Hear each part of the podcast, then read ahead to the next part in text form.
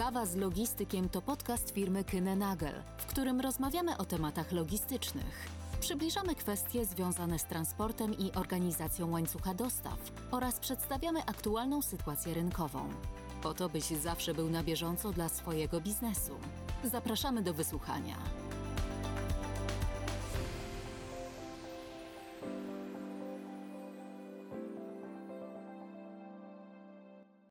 Dzień dobry Państwu w kolejnym podcaście z cyklu Kawa z Logistykiem. Ja nazywam się Piotr Winter. Dziś naszym tematem będzie SCL, czyli transport morski pełnokontenerowy.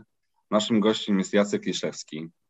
Krótki biogram. Od blisko 15 lat związany z logistyką. Zarządza logistyką morską i obejmuje stanowisko dyrektora frachtu morskiego w Kinenagel.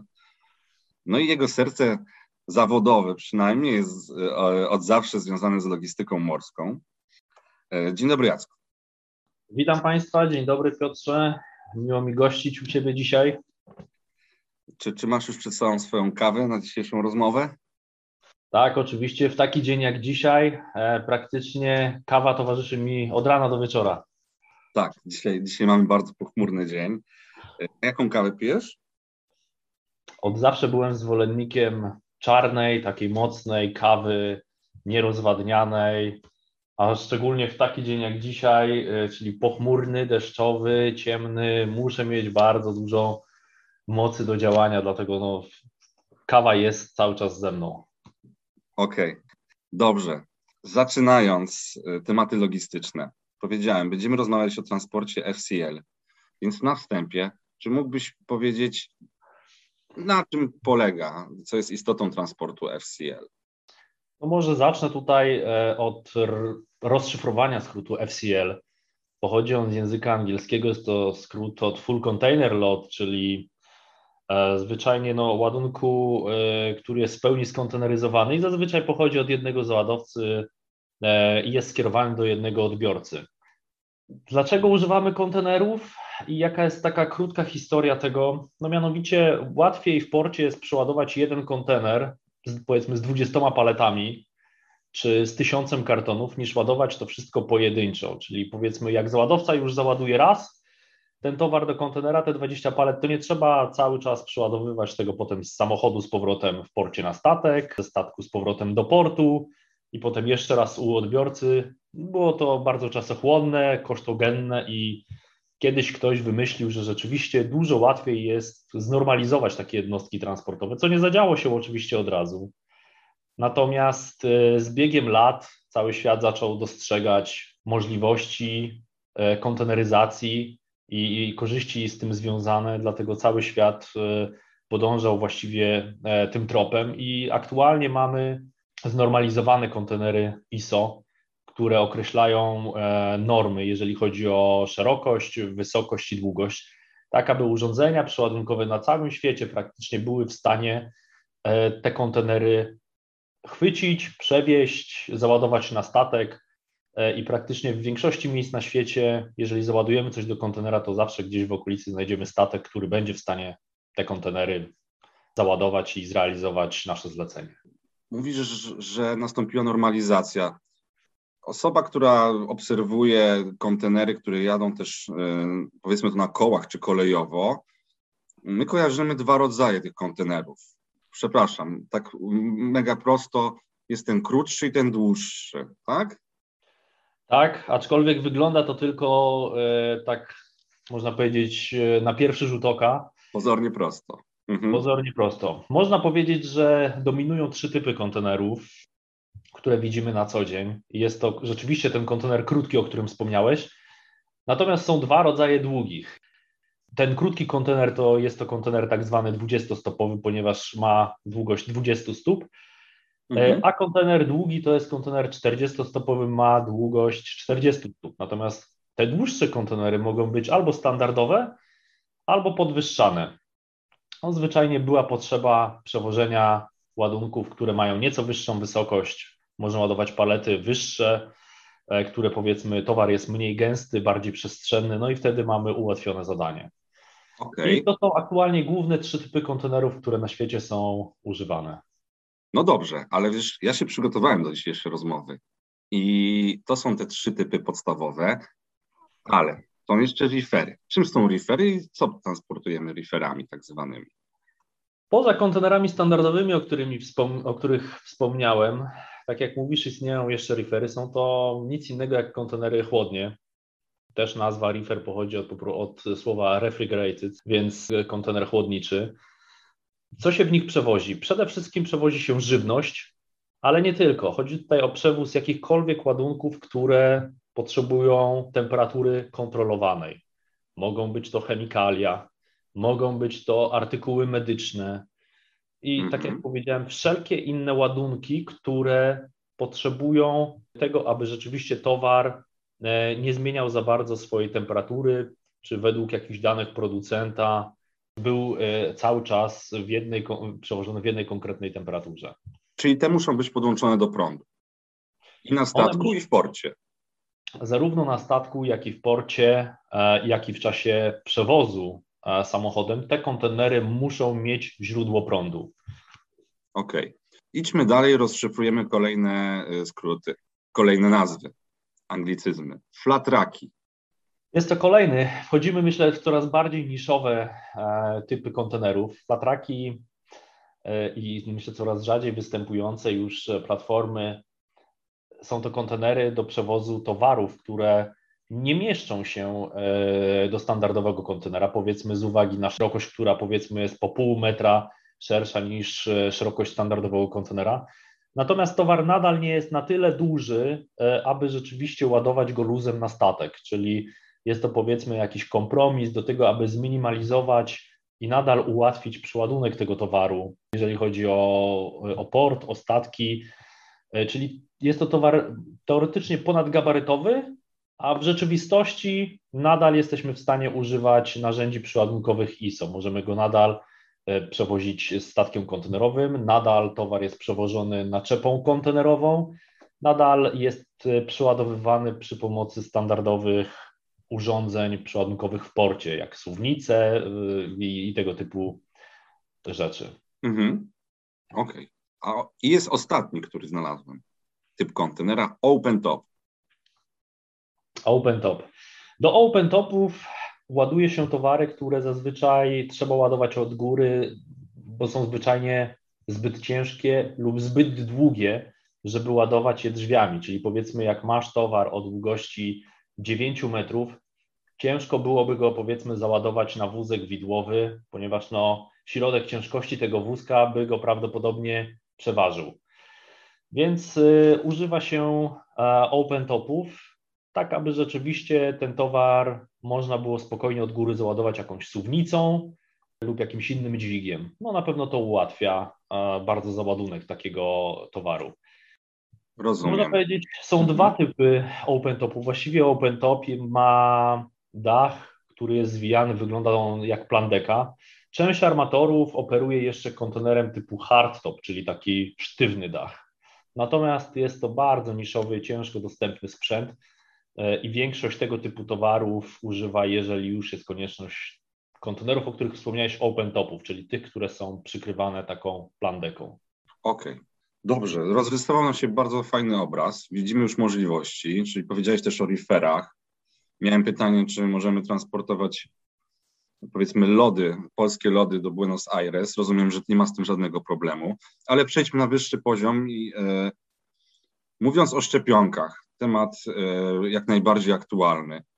Czy to jest też tak, że tymi referami możemy transportować szczepionki, bo wszyscy teraz wiemy o tych wymaganiach, których wymaga transport e, leków.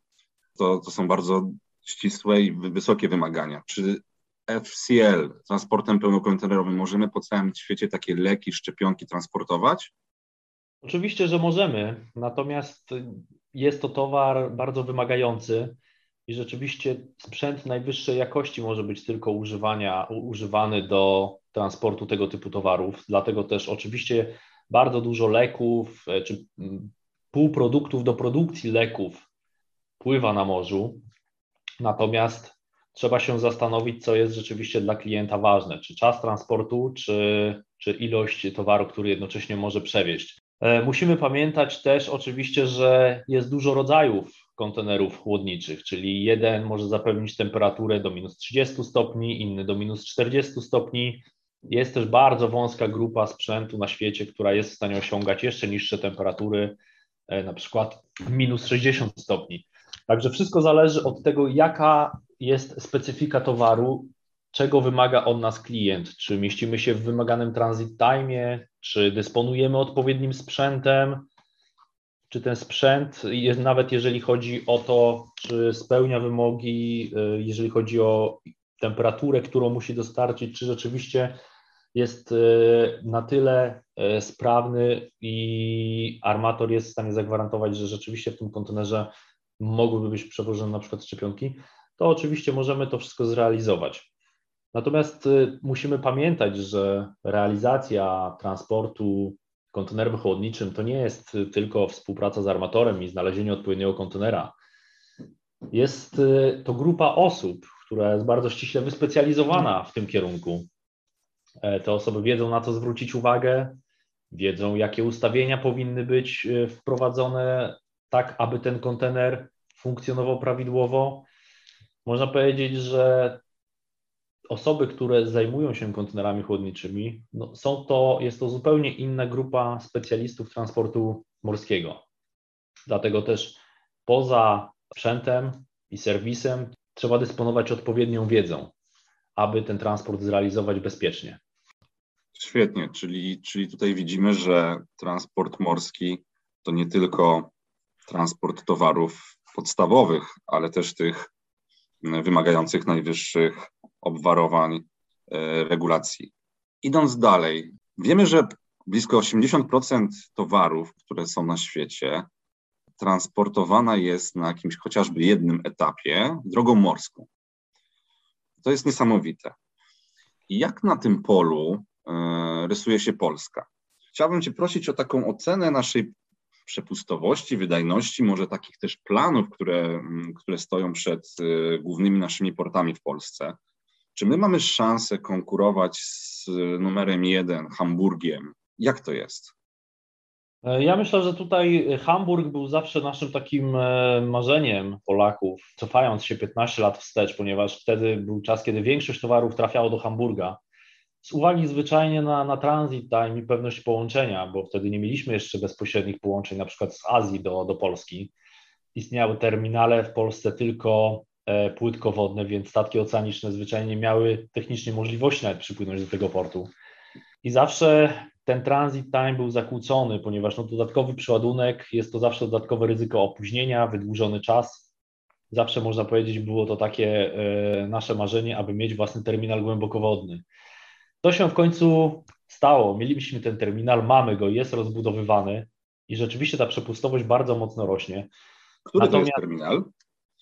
Jest to terminal głębokowodny w Gdańsku, DCT Gdańsk. Natomiast y, nadal, jeżeli chodzi o przepustowość wszystkich terminali w Polsce, po wszystkich inwestycjach, które będziemy mieli przebudowujących terminale zrealizowane, nadal przepustowość polskich portów y, sięga około 4 milionów TU, Czyli można powiedzieć, cała, cały realizowany wolumen będzie stanowił około połowę tego, co robi jeden Hamburg lub nawet mniej.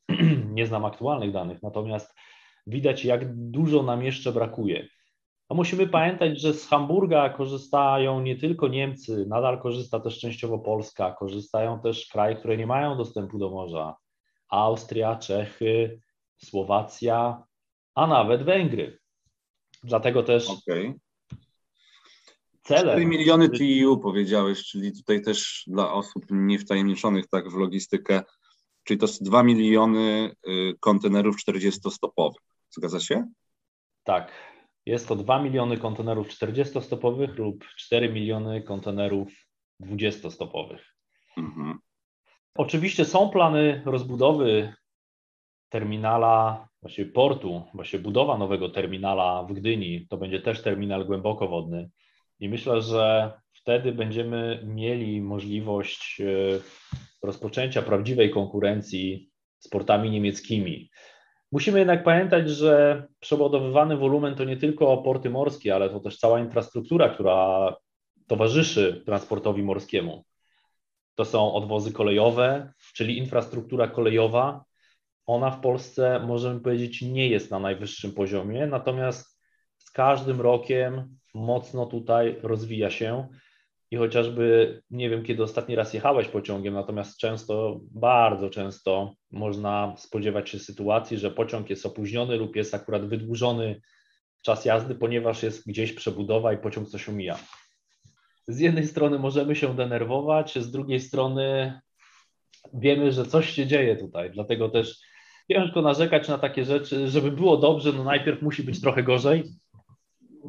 Aktualnie mamy to trochę gorzej, ale wierzymy, że dzięki temu więcej towaru rzeczywiście w przyszłości będziemy w stanie przewieźć i ten, to, ten przejazd będzie bardziej komfortowy. Jest to też kwestia rozbudowy terminali, e, które są w głębi kraju, takimi można powiedzieć przedłużeniami portów. E, bez tych terminali transport e, kolejowy też nie będzie istniał, ponieważ musi być miejsce na składowanie kontenerów, miejsce podjęcia, złożeń. Także jest to, można powiedzieć, system naczyń powiązanych, który musi być rozbudowywany jednocześnie. Bez tego jednoczesnej, bez takiej jednoczesnej rozbudowy e, porty bardzo szybko by się zapchały, ponieważ nie byłoby mocy przerobowych, żeby te towary wywozić. Powiedzmy, musi być odpowiednia ilość torów na terminalu kontenerowym w porcie, aby rzeczywiście sprawnie kontenery wywozić, aby one nie zalegały w porcie. Tak, tak. Jeżeli tak. będzie odpowiednia ilość bocznic musi być z kolei cała infrastruktura dookoła portu, aby te pociągi swobodnie mogły wyjeżdżać, żeby się nie korkowały. I to samo dotyczy terminali w głębi kraju. Te terminale muszą być odpowiednio duże, żeby przyjąć większy wolumen, żeby rozładować większą ilością pociągów. Czyli to, co wyjedzie z portu, gdzieś zawsze trafia. Więc jeżeli w jednym miejscu będziemy mieli wąskie gardło, to wąskie gardło spowoduje, że prędzej czy później zakorkuje się cały system. Czy to jest tak jak w logistyce, to jest system naczyń powiązanych, tak jak mówimy o łańcuchach dostaw, to logistyka morska, na, na jej rozwój też ma, ma wpływ rozwój innej infrastruktury w głębi kraju. Wiemy już, jakie są typy kontenerów, wiemy, na jakim etapie jest Polska. Nie wygląda to najgorzej z tego, co powiedziałeś. A wracając do tematu transportu pełnokontenerowego, kilku naszych słuchaczy napisało, że bardzo im, podoba, bardzo im się podoba to, że mówimy obrazami i staramy się to robić. Także też bym Cię poprosił o to, abyśmy powiedzieli teraz obrazami, jak wygląda od A do Z taki transport pełnokontenerowy. Więc na potrzeby, na potrzeby naszego podcastu wyobraźmy sobie, że ja nigdy nie transportowałem takiego kontenera i mam takie zadanie, aby taki 40-stopowy kontener dajmy na to, z polskimi śledziami, popłynął z Gdyni do Pekinu. Czy mógłbyś prze, prze, opowiedzieć mi o tym całym procesie, co przede mną stoi, ile to będzie trwało? Oczywiście, Piotrze, więc sytuacja, e, sytuacja jest bardzo złożona, ponieważ nie wystarczy zgłosić się do spedytora, żeby rzeczywiście taki transport wykonać, ponieważ trzeba zacząć od przygotowywania się do całej, e, do, do całej procedury od strony dokumentacyjnej. Myślę, że na początku, sprzedając w ogóle śledzie do odbiorcy, trzeba by się zastanowić, właściwie trzeba zapytać się klienta, czy, e, czy on posiada odpowiednie dokumenty, aby zaimportować te śledzie. W każdym kraju wymagane są różnego typu certyfikaty, e, rejestracje w najróżniejszych urzędach. E, I mm, jedyną, jedynym prawidłowym źródłem tych danych no jest nikt inny jak ten, kto kupuje od nas towar. E, dlatego też e, on powinien dostarczyć nam informację, czego on wymaga od nas, żeby rzeczywiście mógł taki transport przyjąć u siebie. Jeżeli zdarzyłoby się, że odbior, że towar powiedzmy przypłynąłby na miejsce przeznaczenia, a klient e, w Azji nie dysponowałby odpowiednimi dokumentami, bo zwyczajnie my nie wiedzieliśmy, że musimy je wystawić, okazałoby się, że kontener musi stać długi czas w porcie do momentu, aż my nie wystawimy tych dokumentów. To są często bardzo dokumenty urzędowe, które są czasochłonne, trzeba na nie czekać, ponieważ są procedury w urzędach. No a przestój kontenera w porcie e, kosztuje dość sporo, szczególnie śledzi, które idą w kontenerze chłodniczym, więc dodatkowo dochodzi nam koszt elektryczności. Wiadomo, że mała lodówka w domu czerpie mało prądu, a wielka lodówka z 20 tonami śledzi czerpie odpowiednio więcej e, tego prądu. Dlatego też zacząć należy y, od tego, aby sprawdzić, czy dysponujemy wszystkimi dokumentami, które są wymagane do odprawy importowej w miejscu przeznaczenia. Jeżeli rzeczywiście jesteśmy już pewni, że będziemy w stanie wystawić wszystkie dokumenty wymagane przez odbiorcę, czyli będziemy w stanie e, sprostać jego wymaganiom wszystkim, które, e, które on potrzebuje, aby rzeczywiście ten towar u siebie przyjąć, e, możemy udać się do spedytora i poprosić go, jakie, jakimi opcjami dysponuje spedytor, aby rzeczywiście taki kontener śledzi wysłać. I wtedy kolejne mamy pytanie.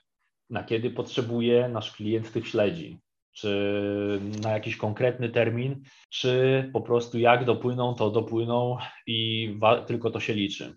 W tym momencie spedytor musi sprawdzić e, i my oczywiście, klient oczywiście też ze swoim odbiorcą, czy transit time, czyli czas, kiedy kontener będzie dostarczany do portu załadunku, będzie płynął morzami, oceanami i będzie dostarczany na miejscu, w miejscu przeznaczenia do finalnego miejsca odbioru, czy taki czas klientowi odpowiada. Jeżeli okazuje się kolejny raz, że spedytor jest w stanie zorganizować transport w odpowiednim czasie tranzytu, to możemy zabrać się do przygotowywania, czyli e, ustalenia daty załadunku, poinformowania spedytora, kiedy towar będzie gotowy do załadunku. Spedytor wtedy dokonuje bookingu armatora, czyli można powiedzieć, rezerwuje miejsce na statku i pusty sprzęt, czyli pusty kontener. No i jeżeli jak przychodzi moment gotowości towaru, tak zwanej, to pedytor dowozi pusty kontener w miejsce załadunku, przygotowany, e, tak aby rzeczywiście towar nie uległ zniszczeniu i ładujemy towar. Jeżeli chodzi o konkretną relację, którą wspomniałeś, czyli Pekin, port, który jest dedykowany dla przesyłek które są skierowane do Pekinu, to port e, Xingang na północy Chin. I średnie transit timey, którymi operujemy z polskich portów, e, są gdzieś na poziomie 47 do 50 dni. Oczywiście są serwisy krótsze, są serwisy dłuższe, natomiast e, pamiętajmy, że transport morski jest nieprzewidywalny, występują różnego typu opóźnienia związane bardzo często z pogodą, musimy pamiętać, że statek do Chin płynie przez wszystkie strefy klimatyczne. E, czyli może być to zima, może być to lato, może być to jesień, więc e, po drodze mogą być sztormy, burze. Jest bardzo duże ryzyko tego, że e, statek będzie opóźniony. Czyli trzeba by liczyć ostrożnie takie dwa miesiące, tak? Od drzwi do drzwi. Tak, Door to mhm. door dwa miesiące i myślę, że byłoby to i tak liczone tak w miarę na styk, ponieważ pamiętajmy, że w miejscu załadunku potrzebujemy kilku dni, w miejscu odbioru też kilka dni. Także jeżeli wszystko by rzeczywiście poszło idealnie, byłyby to rzeczywiście te dwa miesiące. A czy spedytor, po jego stronie jest też to, że on nam doradzi w tych wszystkich e, sprawach celnych, które Incoterm zastosować, bo no jest masa różnych rzeczy dodatkowych, na których my nie musimy się znać. Czy to jest po stronie spedytora, dlatego się go wybiera właśnie? Edytor odpowiedzialny jest praktycznie za pośredniczenie w samej procedurze transportu. Możemy zaoferować e, jako spedytor też usługi naszej agencji celnej, natomiast pamiętajmy, że finalnie za wszystkie e, dane, które są dostarczane, odpowiedzialny jest klient. Jest to wszystko realizowane zgodnie z prawem. Tutaj mamy bardzo ściśle określone prawo, które mówi o tym, kto jest za co odpowiedzialny.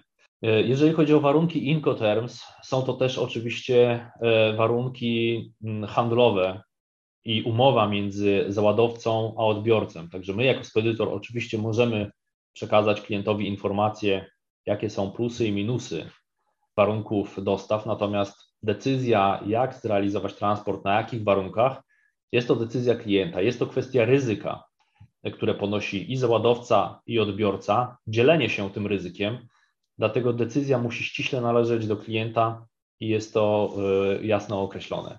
Jeżeli chodzi o odprawę celną, także wszystkie dane, na, na bazie których wykonywana jest odprawa celna, nawet agencją celną spedytora, bazuje na informacjach od klienta. My nie wiemy, co jest załadowane do kontenera. My bazujemy na wszelkich informacjach od klienta, na jego dokumentach. My możemy nie znać charakterystyki towaru dokładnej. Oczywiście, jeżeli podpowiada nam e, agent celny rzeczywiście i ma jakieś pytania, które powiedzmy wymagają dalszego doprecyzowania, na przykład z czego jest zbudowany dany przedmiot. Ok, nie mówię tutaj akurat o śledziach, natomiast, natomiast czy jest z plastiku, czy z metalu, no to są tego typu rzeczy, których, o, których, o które agent celny może dopytać się klienta. Szczególnie jeżeli chodzi o odprawy importowe. Jest to bardzo wrażliwa rzecz, ponieważ e, Polska, no, jak każdy kraj na świecie, dolicza za towary odpowiednie cło i podatek VAT. Więc błędne zaklasyfikowanie towaru, błędne prze, przypisanie kodu taryfy celnej wiązałoby się, powiedzmy, na przykład w skrajnym przypadku z zaniżeniem wartości celnej towaru, więc klient odprowadza wtedy mniej podatku VAT i mniejsze cło, co oczywiście jest przestępstwem. Dlatego też jasno ustalone jest, że to klient jest odpowiedzialny za to, aby rzeczywiście ten towar e, poprawnie sklasyfikować, gdyż to on w 100% wie, co przewozi e, i, i co powinno być w kontenerze. Czyli y, odpowiedzialność oczywiście pozostaje po stronie osoby czy jednostki firmy, która transportuje taki kontener. Zaś rolą spedytora jest booking na statku, monitoring tej przesyłki, doradztwo, ewentualnie pomoc w zakresie spraw celnych. Wszystko zrozumiałe. Jacku, ten statek, tym naszym, naszymi przykładowymi śledziami, on będzie płynął przez kanał Suezki. Najprawdopodobniej, bo część, część statków opłyna, opływa Afrykę, e, ale jest to, z tego co mi wiadomo, mniejszość. Ja pamiętam, jak piliśmy jeszcze kawę w biurze i opowiadałeś mi pewną ciekaw ciekawostkę o kanale Suezkim. Chciałbym, abyś podzielił się nią również z naszymi słuchaczami, bo to jest no. niesamowite. Ile kosztuje taki, powiem w cudzysłowie, bilet dla statku kontenerowego, który przepływa przez kanał Suezki? No rzeczywiście jest to bardzo ciekawy temat.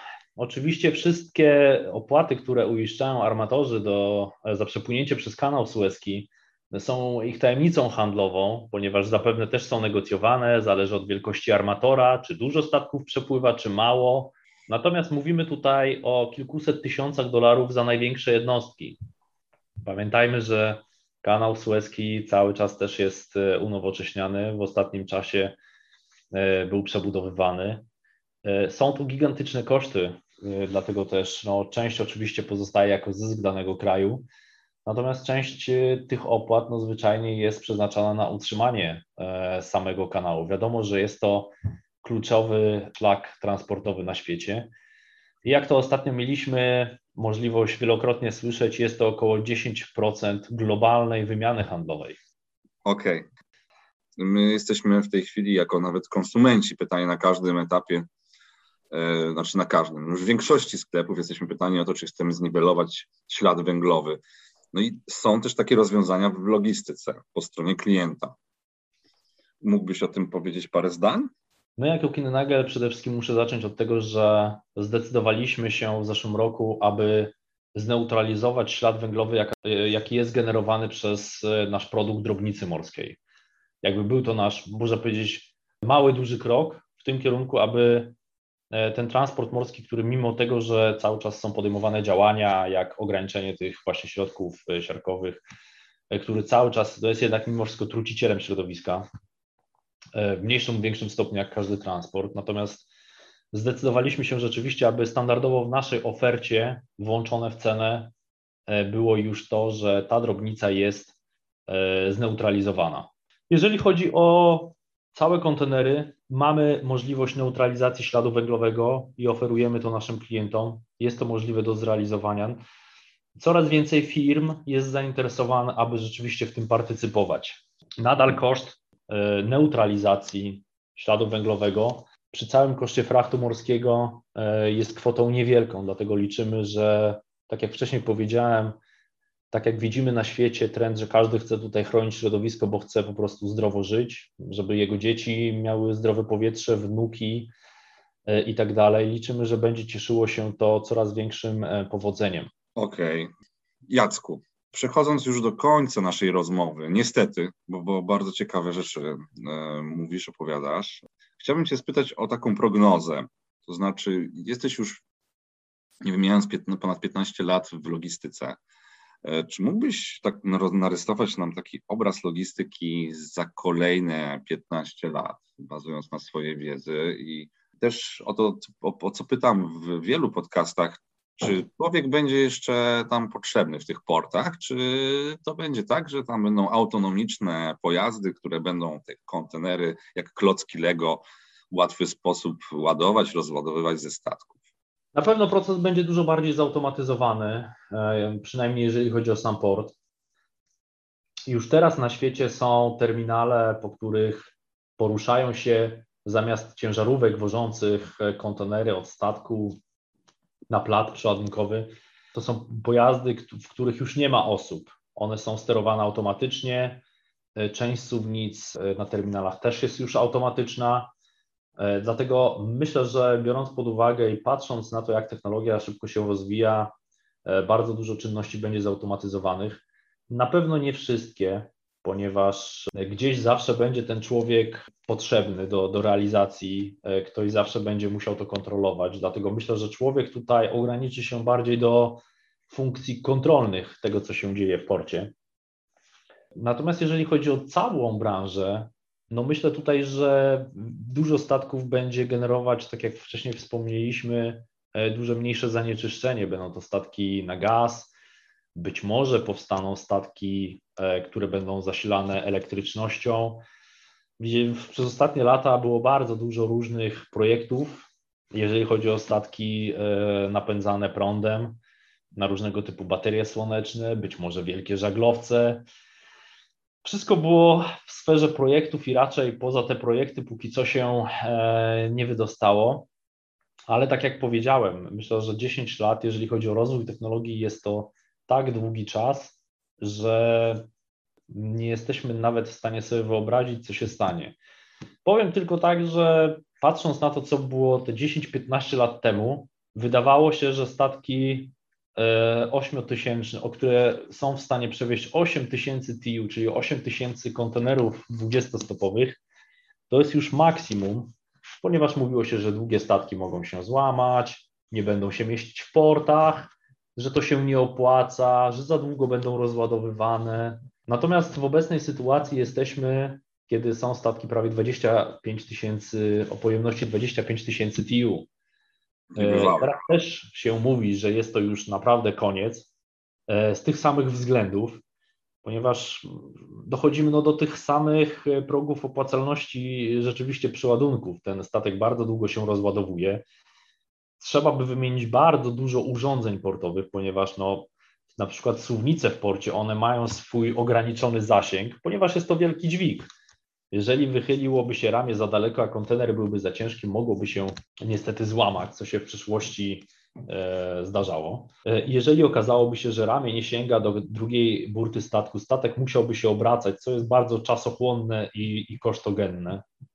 Dlatego też rzeczywiście świat nie jest gotowy w tym momencie na większe statki, chyba że zostanie rzeczywiście kolejny raz wynaleziona jakaś inna technologia. Zgadza się. Natomiast no, z takich pozytywów, e, to zaznaczmy tutaj, że nasz port w Gdańsku jest w stanie obsłużyć takie statki, bo z tego co pamiętam, dwa lata temu wpłynął jeden ze statków, który, którego pojemność wynosiła 22,5 tysiąca TEU. E, więc dobrze na tym naszym podwórku, morskim podwórku, jesteśmy przygotowani. Jacku, na koniec, ostatnie już naprawdę pytanie musimy kończyć. To czego Ci życzyć? Ten rok poprzedni, ta, takie zmienne, tyle się dzieje. Czego byś sobie życzył na, na, na następny rok działania w logistyce morskiej? To ja bym powiedział, że życzyłbym sobie stabilizacji, e, aczkolwiek e, ciężko o stabilizację. Rzeczywiście, tak jak powiedziałem Ci, jest bardzo dużo zmiennych sytuacje polityczne, aktualnie pandemiczna, różnego typu zawirowania, o których nie mamy pojęcia, że się staną i na kilka miesięcy zaburzają naszą pracę, tak jak kanał, zablokowany kanał sueski. E, natomiast rzeczywiście taki jeden stabilny rok pracy myślę, że by się przydał. Jeszcze się taki nie zdarzył, od razu powiem. E, to jest piękno naszego biznesu, że zawsze coś się stanie, e, czego nikt wcześniej nie przewidział. I może dlatego z drugiej strony ta nasza praca jest taka ciekawa. E, natomiast rzeczywiście no, za każdym razem tak się mówi, że no, jednak byśmy potrzebowali takiej spo, trochę spokojniejszej pracy. I myślę, że tego bym sobie życzył wszystkim spedytorom morskim, kolegom w całej branży i oczywiście też naszym klientom, dla których na co dzień realizujemy zlecenia. Okej, okay. tego Wam życzę i mam nadzieję, że trochę się wszystko uspokoi. Bardzo Ci dziękuję, Jacku, za, dzisiejszy, za dzisiejszą obecność. Było bardzo ciekawie. Mam nadzieję, że jeszcze się spotkamy. Dzięki Piotrze, dziękuję Państwu. E, miło mi było gościć, no i oczywiście wypić kolejną kawę. Także do usłyszenia. Pozdrawiam jeszcze raz. Do usłyszenia, dziękuję Państwu. To był kolejny podcast z cyklu Kawa z Logistykiem.